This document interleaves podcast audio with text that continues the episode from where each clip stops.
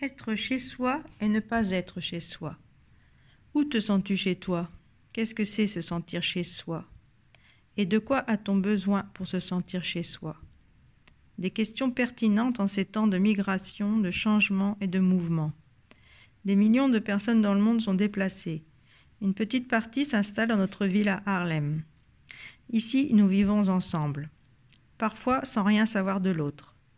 De quoi a-t-on besoin pour se sentir chez soi? Se sentir chez soi ne va pas toujours de soi. Même si le néerlandais est ta langue maternelle et que tu as grandi ici, tu peux aspirer à te sentir chez toi.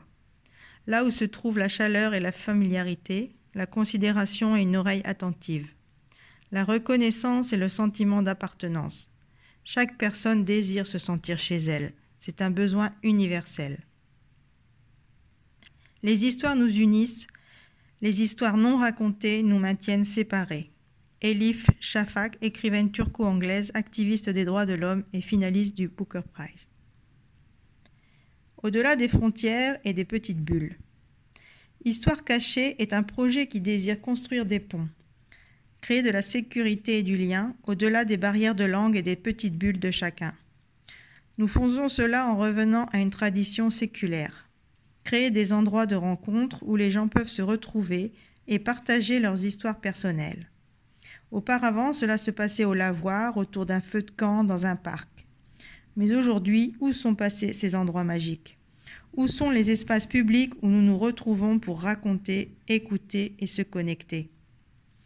Histoire cachée organise des ateliers auxquels participent des femmes d'Harlem et des femmes de toutes origines nouvellement arrivées à Harlem. Avec un accompagnement, nous faisons de petits exercices d'écriture. Dans l'acte d'écriture et de partage se crée le lien la reconnaissance dans tous les sens du terme. Retourner aux expériences, écrire dessus et les raconter est thérapeutique. Pas seulement pour celui qui écrit, mais aussi pour ceux qui écoutent. Cela nous fait sentir entiers. Parfois, des parties de l'histoire sont restées cachées, non racontées. Pas d'attention portée sur elles. Qu'est-ce qui pourrait se passer si on les racontait? Si elles étaient mises en mots? Si on les écoutait? Même si on a grandi dans une autre langue, un autre pays ou une autre culture. Les histoires sont la base des contacts humains et pour faire de nouveaux contacts. Chez Histoire cachée, nous parlons la langue du cœur et nous vous aidons dans un environnement sécurisé à écrire votre histoire. Et quel endroit est le plus adapté qu'une bibliothèque?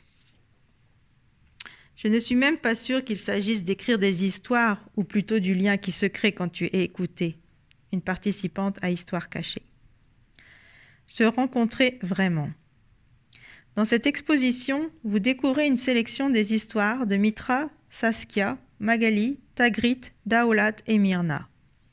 Des femmes fortes qui se cherchaient et se sont trouvées, qui ont puisé dans une part d'elles-mêmes qui était parfois restée cachée, perdues, tombées dans le silence. Les participantes se sont ouverts leur cœur, ont partagé et se sont écoutées.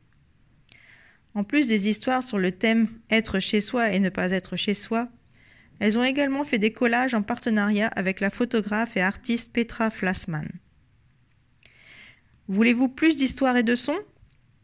Écoutez aussi les magnifiques podcasts d'histoires cachées et faites connaissance avec Tomoko, Rosa, Frances, Mitra, Nesrin, Naoya, Ilin, Daolat, Salwa et Moyuro. Voulez-vous vous-même participer à un atelier d'histoire cachée? C'est possible. En 2023 et 2024, nous organisons d'autres ateliers. Envoyez un mail à info at statsreporter.nl pour plus d'informations ou cliquez ici sur le QR code. Histoire cachée est une initiative de Myrna Lichtart, Statsreporters, en partenariat avec Suzanne Reisbers professeur d'écriture autobiographique, Daoula Derbas, professeur d'arabe, Petra Flassman, artiste, et la bibliothèque Zuid-Kennemerland. En remerciement à la ville d'Harlem, Hulp Axi Harlem et Fonds for Culture Participative. Au-delà des idées du bien et du mal, il y a un pays. Là, je te rencontrerai. Yelaludin Rumi, XIIIe siècle. Ce texte est également disponible en français, en arabe, en farsi, en japonais, sous les QR codes ci-dessous.